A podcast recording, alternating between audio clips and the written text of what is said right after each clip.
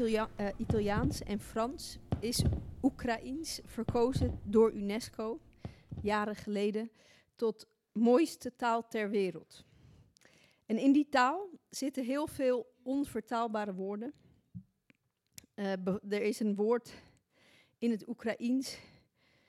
Ja, ik kan het dus niet goed uitspreken, want dat, uh, het schrift is Cyrillisch. Maar um, ik heb het, Google heeft het voorgezegd en volgens mij klinkt het zo. Volaille. Het is één woord voor het naar buiten laten van al je emoties. En het is, het is een werkwoord en het refereert aan een bepaald soort schreeuwen en huilen tegelijkertijd. En het heeft positieve connotaties. Er is een woord voor het gevoel dat je niet ziek bent, maar ook niet niet ziek. En uh, een Oekraïner gaf daar commentaar op. Die zei: Ja, uh, dat je naar de afwas staart en geen idee hebt hoe je die afwas ooit gaat doen. Er is een woord voor een bosje objecten dat aan elkaar zit. Waarbij ik me afvraag of dat dan iets is dat veel Oekraïners doen: dingen in bosjes bundelen. Zoals een bouquet garni, of zoals Nederlanders zeggen, een bouquet garni. In het Russisch is er een woord voor het gevoel wat je hebt als je iemand ziet van wie je ooit gehouden hebt, maar nu niet meer. De meeste Oekraïners kunnen vloeiend Russisch. En ik vraag me af of ze de afgelopen dagen veel denken aan dat woord.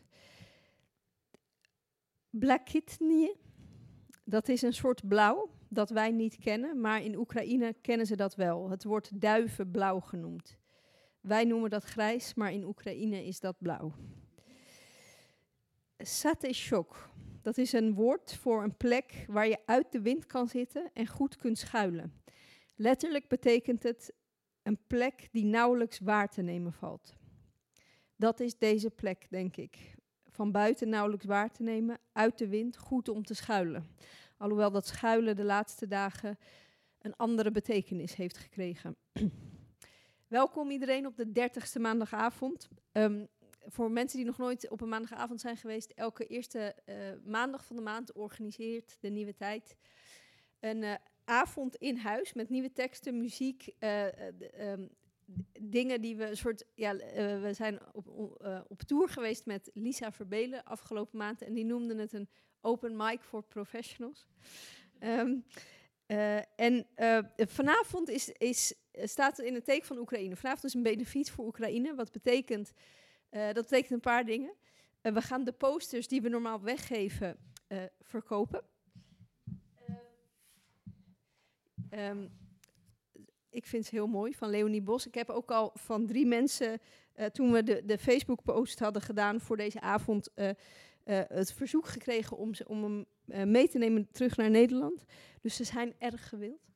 Um, mijn voorstel is 1% van uw maandinkomen. Maar zeg maar, ik, ja, toen ik dat bij mezelf ging uitrekenen, dacht ik, oh ja, nou ja. of wat u missen kan of geven wil. Um, wat hebben we nog meer? We hebben uh, um, soep, die is gratis. Um, maar de reden dat, uh, dat, dat ik erop stond dat we vandaag deze borsch gingen eten, rode bietensoep, is omdat uh, heel veel mensen denken dat dat Russisch is. Dat dacht ik eerst ook. Uh, dat staat namelijk ook op heel veel forums. Um, maar het is Oekraïense soep. Dus die uh, annexatie is volgens mij al heel lang geleden begonnen in de keuken. En dit is vanavond een kleine poging om dat recht te zetten. Oekraïense bietensoep. Uh, wat hebben we nog meer? Uh, Freek hebben we vanavond, die ondanks dat hij drie voorstellingen aan het spelen is, uh, zijn woede over de oorlog toch nog in een tekst heeft weten te gieten. Um, we hebben niet Suus, want die is thuis met een kleine baby. Nee. Echt? Hé. Hey. Nou, wat gezellig. Oké. Okay. Maar dan gaan we beginnen met jou, toch? Oké, oké, oké. Ehm, eh, ehm, nou, ik ben helemaal van mijn propos, jongens. Meestal is dat nooit zo als je zegt dat iets er niet is en dat je dan een stem uit het donker hoort zegt, maar ik ben er wel.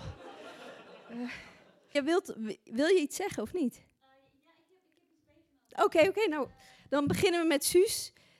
Ja, doe. En dan is er, dan is er daarna muziek. daarna de docu en dan is het pauze. Ja, ik was dus even weg. Eh, ik heb dus drie weken geleden eh, een zoon gekregen. Zit dus in, eh, hoe heet dat? Moederschapsverlof. Ik ben hier ook in mijn pyjama. Sorry, het was een beetje last minute. Ik heb ook niet uitgeprint, het staat op mijn telefoon. Ik heb iets geschreven daarnet toen hij even een uur aan het slapen was. Dus ik weet ook niet of het samenhangend is, maar goed. Google Drive. Ehm, maandagavond nummer 30. Tekst, oké.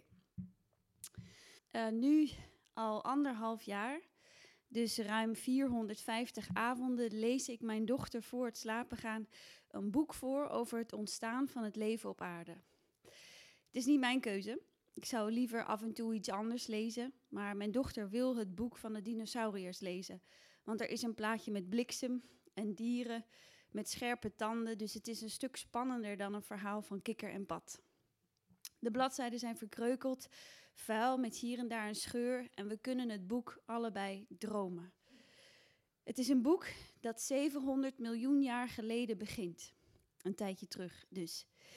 En het begint op de bodem van de zee en dan zie je een plaatje van ronde blopjes waarbij het woord ammoniet geschreven staat. Waardoor mijn dochter haar eerste tekening ooit een ammoniet was. Met haar tong uit haar mond trok ze een cirkel op papier en zei toen: Kijk, een ammoniet. Daarna volgt een bladzijde waarop je ziet hoe die ammonieten pootjes kregen en duizend poten werden op vaste grond. En dat is de bladzijde waarbij ik haar moet kietelen. Logisch, wat zou je anders doen bij een bladzijde met duizend poten? De bladzijde daarna is uh, 200 miljoen jaar geleden inmiddels. En dan zie je hoe die duizend poten reptielen zijn geworden. Het is een druk plaatje waarbij elke reptiel wel in gevecht is met een ander reptiel. Waardoor wij stuk voor stuk die reptielen aanwijzen en zeggen: Jij moet in de hoek. Meestal is dat ook het moment in het boek waarbij we bespreken op wie juffrouw Wendy die dag boos is geweest en wie er in de hoek had moeten staan.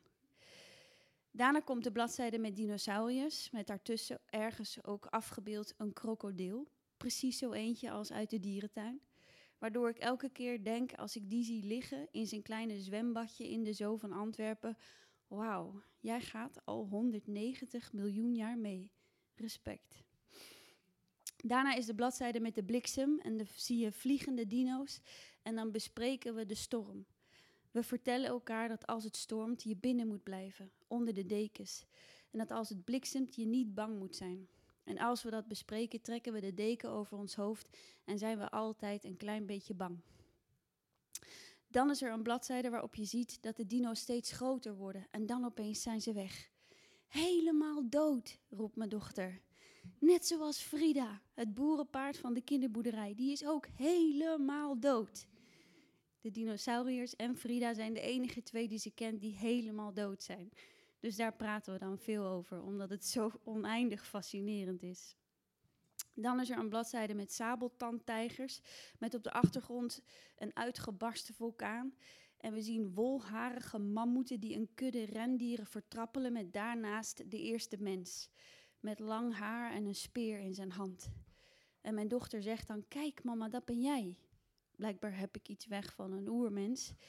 En kijk, zegt ze, toen zat ik nog in de buik, terwijl ze wijst naar de man zijn buik onder zijn berenvel.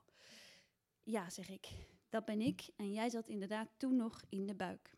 En ik denk aan al het leven wat op een of andere manier inderdaad altijd al aanwezig was en enkel nog geboren moest worden.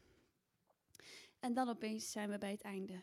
De laatste bladzijde uit het versleten boek. Het is een grote groene bladzijde met huisjes en dieren op vierkantjes gras en een rivier die stroomt. Mijn dochter doet haar ogen vast dicht en ik vertel het einde van het verhaal. Al 450 nachten lang zeg ik, en toen werd alles rustig. Er ontplofte geen vulkanen meer of kometen, niemand at nog iemand op. De mensen maakten tuinen, er kwamen schaapjes en alles werd heel gezellig. De maan scheen en het was nooit donker en niemand moest nog in de hoek. De afgelopen dagen hoor ik mezelf die woorden zeggen. Het sprookje wat ik ervan heb gemaakt, wat lichtjaren ver van de waarheid ligt. En ik denk aan het feit dat als er nog een bladzijde in dat boek zou zijn, het een grijze bladzijde was. Nergens nog een boom, betonnen straten en woontorens met gaten waar een raket is ingeslagen. En onderlangs kilometers lange files van kleine metalen blikjes op wielen op weg naar een grens. Een door de mens getekende lijn over heilige eeuwenoude steppengrond, op zoek naar een plek waar het veilig is. Ik hou mijn adem in, wetend wat die volgende bladzijde van het boek zou zijn, terwijl ik kijk naar mijn dochter die net in slaap gevallen is.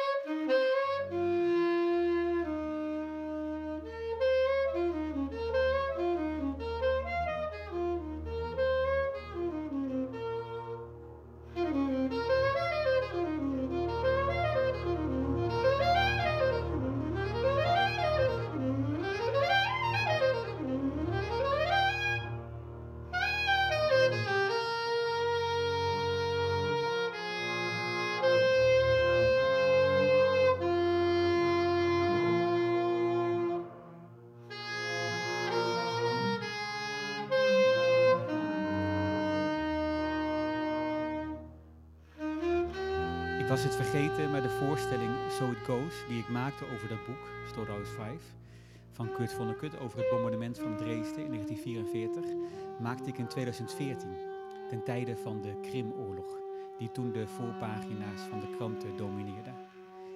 Ik las het stuk dat ik schreef terug dit weekend op zoek naar woorden voor vanavond en vond een artikel van Joris Luijendijk dat ik in dat stuk had gestoken. Omdat ik vond dat het heel goed de menselijkheid terug probeerde te zoeken in de absurditeit van wat een oorlog is. In dat toneelstuk maakte ik een grapje dat ik het artikel tijdens het werkproces aan mijn dramaturgen uh, voorlas. En dat de dramaturge toen zei dat het een heel mooi artikel was, maar dat ze niet zeker wist of dat nog actueel zou gaan zijn in 2015, 2016 als de voorstelling zou spelen. En dat ik dan zei, ah, maar dit stukje komt uit 2004, uit de Tweede Golfoorlog. Cairo, 25 maart 2004, Joris Luijendijk, NSC Handelsblad. Ik ben zelf één keer gebombardeerd en ik moet daar vaak aan denken deze dagen. Het was in Gaza-stad. En qua omvang en duur veel en veel minder erg dan wat de mensen in Bagdad Mosul, Bashra en Tikrit al zes dagen doorstaan. Maar ik denk toch dat er parallellen zijn. En die gaan vooral over de categorie slachtoffers die de statistieken niet halen. We horen nu over burgerdoden en gewonden. En als die bodycount niet te zeer oploopt, is dit een schone oorlog geweest. Ik denk alleen dat mensen zonder enige oorlogservaring dit soort dingen kunnen zeggen. Als je in een stad bent waar bommen op worden gegooid, dan voel je van alles, maar bovenal machteloosheid. Opeens is jouw leven in handen van een onbekende, iemand achter een paneeltje of in een cockpit. Die kan een besluit nemen waardoor jij of een van je dierbaren sterft, dan wel voor altijd in een karretje zit. Ik voelde een angst, zo misselijkmakend dat ik er direct een andere emotie overheen legde. De Palestijnen om me heen deden dit ook. En zo voerden wij met z'n allen het toneelstukje op. Oh, daar slaat weer een bom in. Ha, ha, ha, ha. Dat doet ons niks. Dat is natuurlijk onzin. Doodsangst druk je niet straffeloos weg. Psychiaters in de Palestijnse gebieden vertellen over explosieve toenames van huiselijk geweld, spontane abortussen, hartaanvallen. Peuters vier eerste woorden behalve papa en mama bom zijn of martelaar, tekeningen die alleen nog maar gaan over vliegtuigen. Kinderen willen opeens allemaal militair worden in plaats van piloot of acteur. Pubers gaan weer in een bed plassen of hun lichamelijke groei stokt. Kinderen van acht die s'nachts in bed stiekem hun pyjama uitdoen en weer in hun gewone kleren gaan liggen, zodat ze bij een bombardement direct weg kunnen rennen. Ouders durven niet meer de liefde te bedrijven, omdat ze bang zijn dat midden in de daad een bombardement begint en ze meteen naar de kinderen moeten rennen. En dan de hysterische telefoontjes naar familieleden en vrienden, als na het bombardement het netwerk het weer doet. Leven jullie nog? Staat de familiezaak nog overeind? Is er geplunderd? Want de verzekeringen keren niet uit bij oorlogsschade. De meeste mensen hebben natuurlijk niet eens een verzekering. Als de bommen vallen, kun je niet naar buiten. Dat geldt ook voor de ambulances of de brandweer. En als je dus van een trap valt of een ander ongeluk hebt, moet je wachten tot het all clear. Dit maakt ouders nog radelozer van de zenuwen, want tijdens een bombardement rennen de kinderen alle kanten op. Ze sluiten zichzelf op in de badkamer of rennen juist in paniek de straat op. Uiteraard vragen kinderen aan hun ouders wanneer houdt dit op. Psychiaters vertellen dat Palestijnse ouders hun kinderen zo graag willen troosten dat ze zeggen morgen of over een uur. Maar de bombardementen gaan gewoon door en de kinderen zien dat. Ze verliezen het vertrouwen in hun ouders en daarmee hun laatste mentale schuilplaats. Toen ik afgelopen maandag in Amsterdam dit krantenartikel voorlas op de maandagavond on tour, begon op dit punt iemand in het publiek vanuit het niets onwaarschijnlijk hard te huilen. En ik wist niet wat ik moest zeggen. Ik zei sorry, sorry, sorry. Ze verliet de zaal en ik kon ook niet verder gaan met lezen, dus kondigden we maar de pauze aan. In die pauze kwamen er wat vriendinnen naar mij toe van haar. Ze zeiden dat ze net uit Oekraïne terug was gekomen en daar veel mensen heeft zitten van wie ze houdt. We zouden die avond eigenlijk over liefde gaan hebben. We zijn op tour met een liefdeseditie. Maar in de week tussen de maandagavond in Deelbeek en de maandagavond in Amsterdam was de oorlog uitgebroken. Ik luisterde die zondag een Amerikaanse podcast waarin een universitair docent internationale politicologie uitlegde dat er vijf mogelijke toekomstscenario's zijn, waarvan er eentje is dat het Russische leger zich niet georganiseerd krijgt, de Oekraïners blijven doorvechten en het uiteindelijk misschien zelfs het einde van Poetin zal kunnen betekenen. Het vijfde scenario was dat Rusland wint in Oekraïne en Poetin zijn droom van het herstellen van het oude Russische Rijk probeert te verwezenlijken, inclusief het aanvallen van de Baltische staten die lid zijn van de NAVO, waarvoor het gebruik van kernwapens plots tot de mogelijkheden zal behoren. De host en de professor bespraken de vijf scenario's en welke uiteindelijk het meest waarschijnlijk zou zijn, wat ze niet wisten. Maar het was duidelijk dat elk van die vijf scenario's een kans om uit te komen had die groter was dan nul. En niet lang daarna kwam het bericht dat Poetin zijn kernwapensunit in paraatheid had gebracht, wat ik op zijn zachtst gezegd niet echt geruststellend vond. En ik vertelde in Amsterdam vorige week dat we begonnen zijn met deze avonden als tegenwicht tegen de voorstellingen die we normaal gesproken maken. Voorstellingen, voorstellingen die een jaar op voorhand al verkocht moeten worden en die dan soms twee of drie jaar later pas kunnen spelen. Wij wilden ook iets hebben om, om direct te kunnen reageren op wat er gebeurt in de wereld en in ons leven. En ik zei dus toen dat het daarom wat gek zou zijn als we op die maandagavond ineens niet op de wereld zouden reageren, maar toch gewoon het verhaal zouden voorlezen over de liefde, omdat we dat nu eenmaal zo hadden bedacht. Niet dat ik nou popelde om er iets over te zeggen. Ik weet niet meer dan iedereen hier in deze zaal weet. En mensen die er wel veel meer van weten, moeten op dit moment dat liever en graag vertellen op de radio, op de televisie, in plaats van hier aan ons.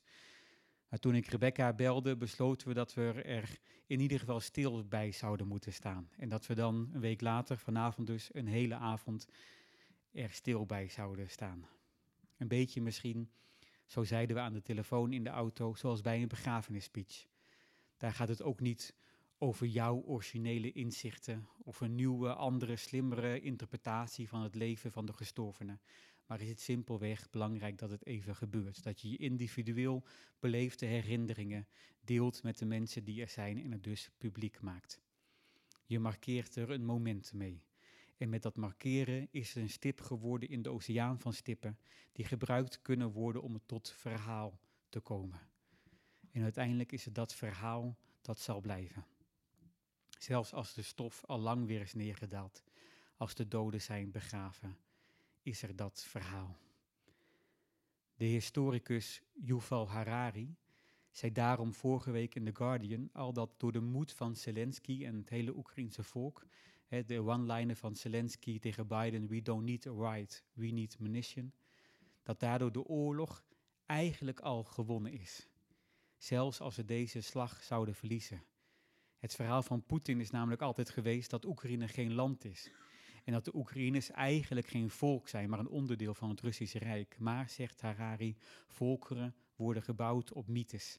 En de moed van de Oekraïners om te vechten, de moed van Zelensky om te blijven, de moed van de burgers om voor de tanks te gaan staan, dat zullen de belangrijke stippen zijn in de nieuwe mythes. Die sterker zullen zijn dan zelfs de mogelijke vijandelijke bezetting. Het zullen belangrijke stippen zijn, dacht ik toen ik het las. Alleen al doordat Harari die stippen eruit licht uit alle gebeurtenissen van de afgelopen dagen. En ze dus worden doorverteld. Zoals ze doorverteld zullen blijven worden in, in officiële schoolboeken, in de kroeg of op avonden zoals deze. We hebben allemaal onze verantwoordelijkheid als mythevormers en mytheverspreiders. Dus bij deze, met goedkeuring van Harari, nog wat stippen van wat ik zag en dacht de afgelopen dagen. Enkel opdat we markeren en doorvertellen. Ik was vaak en steeds opnieuw ontroerd door de vele mensen die gingen protesteren. Ik was opgetogen toen op Facebook een oud klasgenoot van de middelbare school die Oekraïens is en contact heeft met vrienden en familie in het gebied dat nu in oorlog is, schreef dat al die protesten de Oekraïners echt enorm goed doen. Ze daar echt wat aan hebben. Ik was bang, ik was bezorgd toen Rusland zijn kernwapensoldaten in paraatheid ging brengen. Ik was onthutst toen ik die foto's zag van kleine kinderen in de schuilkelders van Oekraïne die zo duidelijk al die foto's uit de concentratiekampen echoden dat ik er misselijk van werd.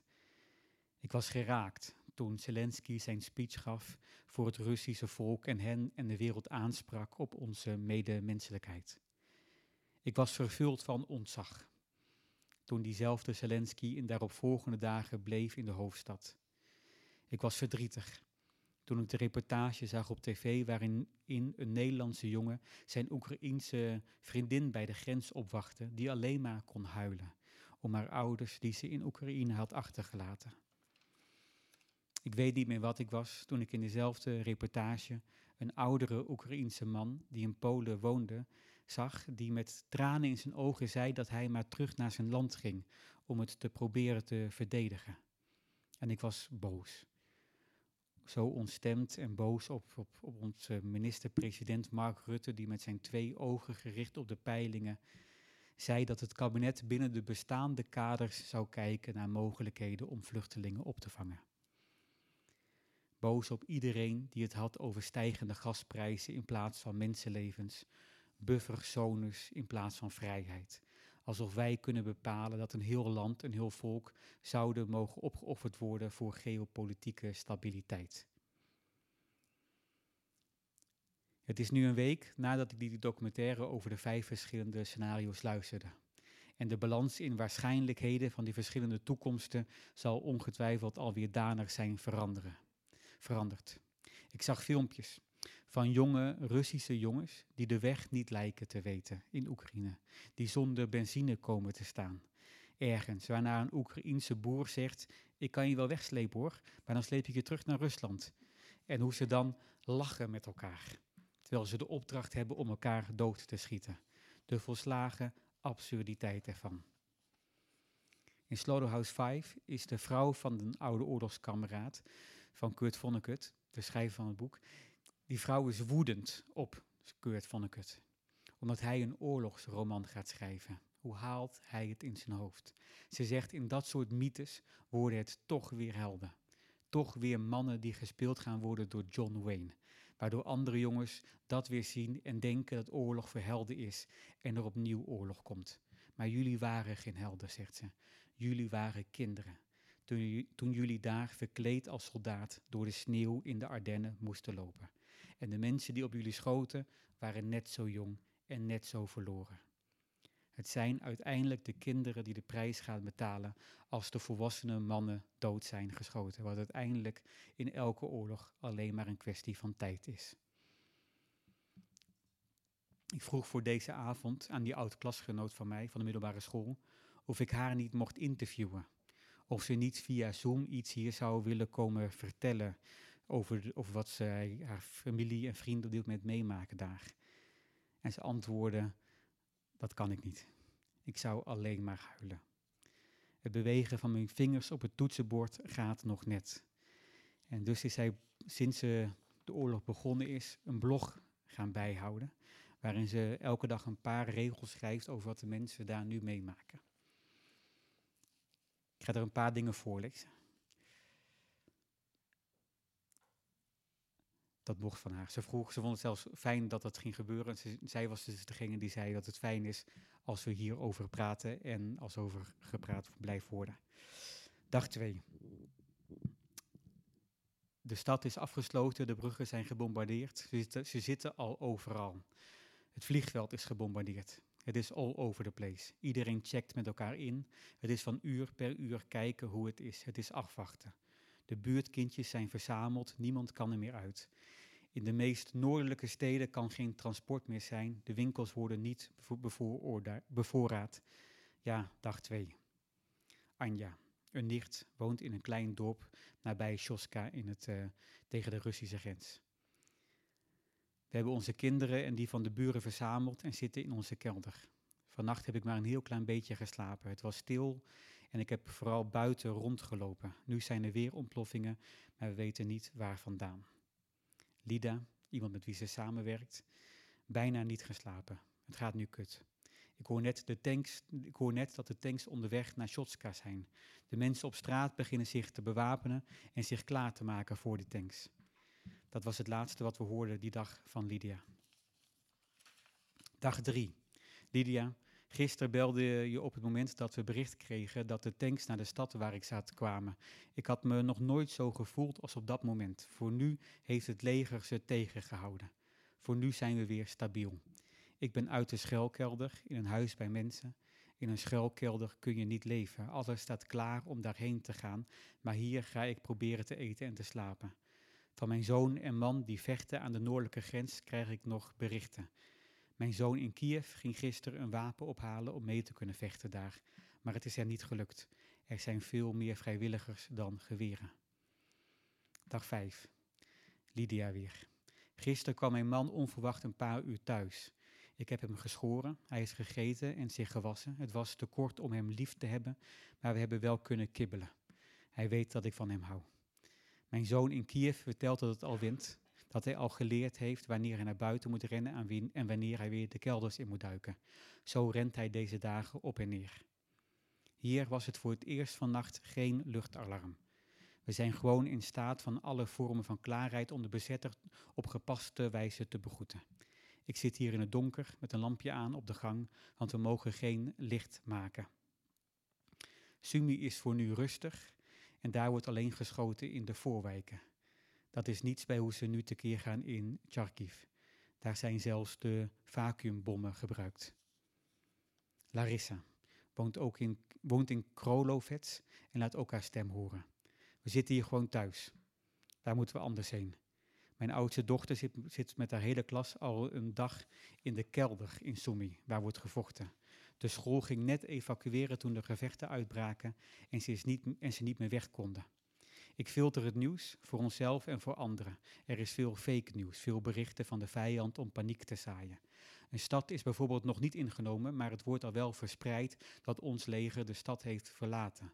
Die paniek is ook een manier om oorlog te voeren. Ik heb militaire contacten waardoor ik weet wat echt is. Dat verspreiden we dan weer.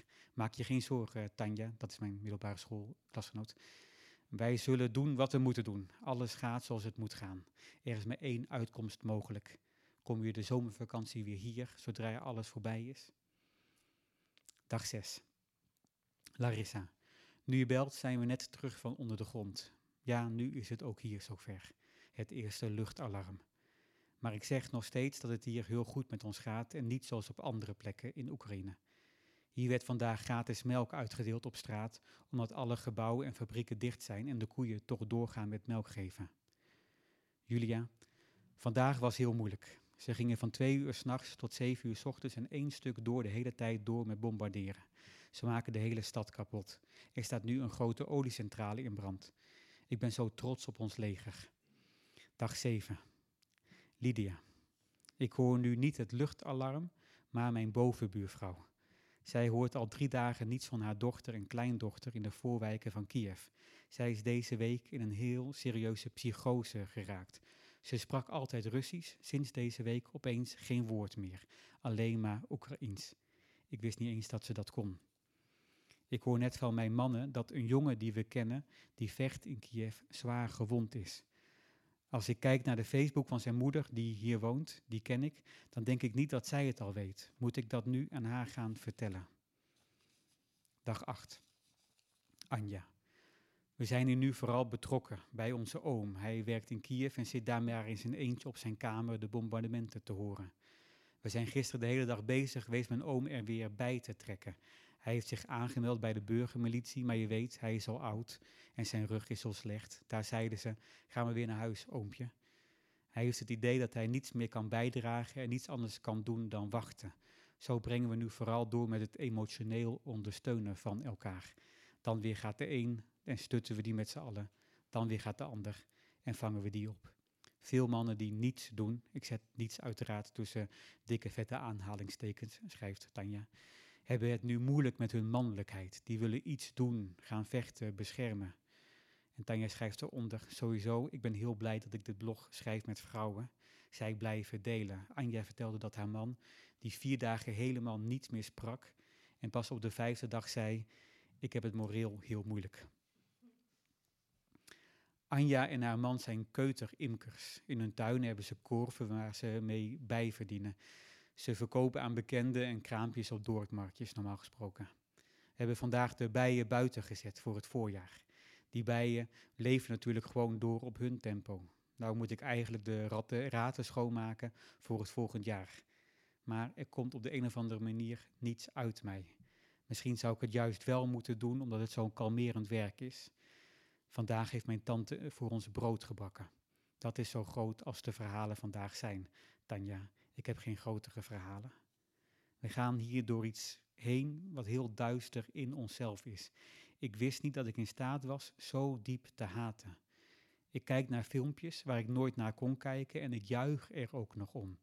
Ik hoor dit ook van andere mensen. Er is echt iets heel diep in ons geraakt en veranderd. Tegelijkertijd brengt dit ons ook meer samen dan ooit. Niets wat ertoe deed, doet er meer toe. Iedereen belt met elkaar en overlegt waar wat nodig is. Tanja schrijft, de gesprekken zijn veranderd. We hebben het vooral over heel veel dingen niet nu. Ik weet wel dat de drie vrouwen borst hebben gemaakt, die rode bietensoep, en die maak ik nu ook. En ook vraag ik nu heel veel naar het weer. En zij geven heel uitgebreid antwoord en beschrijven het beginnend voorjaar. Anja zegt, mijn tante heeft gisteren een meltdown gehad. Dat was niet mooi. Ze hoorde bepaald nieuws over de wijk waar haar man zit in Kiev. Dat was de druppel. Ze heeft zich tot nu toe groot gehouden en ik voel dat ik ook moet. Maar ik wil me netjes houden voor de kinderen. Als een poes die moet bevallen, ik zoek eerst een rustig plekje, maar er is geen rustig plekje. Mijn man kwam vanochtend thuis van de nacht patrouilleren in het dorp en wilde gaan slapen, maar toen hij thuis kwam, waren wij net met z'n allen wakker. Hij is boos weggelopen om in een leegstaand huis te slapen, maar kwam ook daar weer vandaan omdat het koud is. We zitten zo in de knoop met onszelf. Gisteren wilde ik even lopen naar dat leegstaande huis hier tegenover, maar de kinderen lopen achter me aan. Zij vragen veel meer aandacht, laten me niet met rust, vertonen agressief gedrag naar elkaar, luister gezegd. zij voelen dit natuurlijk ook. Ik merk dat ik kijk op mijn telefoon naar de groene balletjes van Facebook Messengers om te zien wie er nog online is. Online betekent levend. En als ze niet online zijn, kijk ik vooral bij degene van wie ik weet dat ze vechten, wanneer ze voor het laatst online zijn geweest. Die groene balletjes, die geven mij nu heel veel troost. Dat was gisteren. En ze houdt er dus bij en ik zal op onze website delen waar ze morgen en overmorgen en hopelijk snel niet meer uh, de dagen bijhoudt.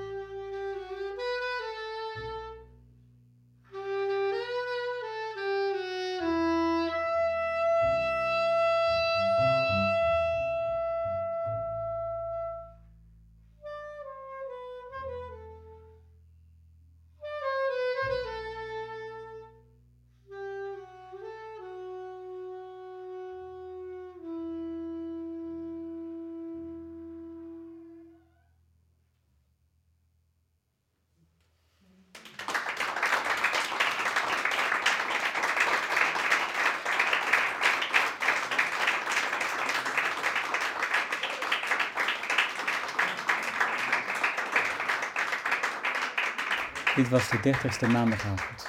Die stond in het teken van de oorlog in Oekraïne. U hoorde muziek van Adia van Herentals en Simon Bekaars. U hoorde daarnaast Rebecca de Wit, Suzanne Groothuis en mezelf, Freek Ville. En ik las voor uit het blog van Tanja Kirienko. U kunt dat zelf ook lezen en bijhouden op helmenvolverhalen.nl. Helmenvolverhalen.nl en dan doorklikken naar Stemmen uit Oekraïne. Voor vragen en opmerkingen kunt u altijd mailen naar info.denieuwetijd.be en ook als u de poster van Leonie Bos nog graag wil kopen, dan kan dat via die weg info.denieuwetijd.be. De opbrengst zal gaan naar humanitaire hulp in Oekraïne. 4 april zijn we terug met een nieuwe live maandagavond. Hopelijk tot dan of hopelijk tot luisters in deze podcast.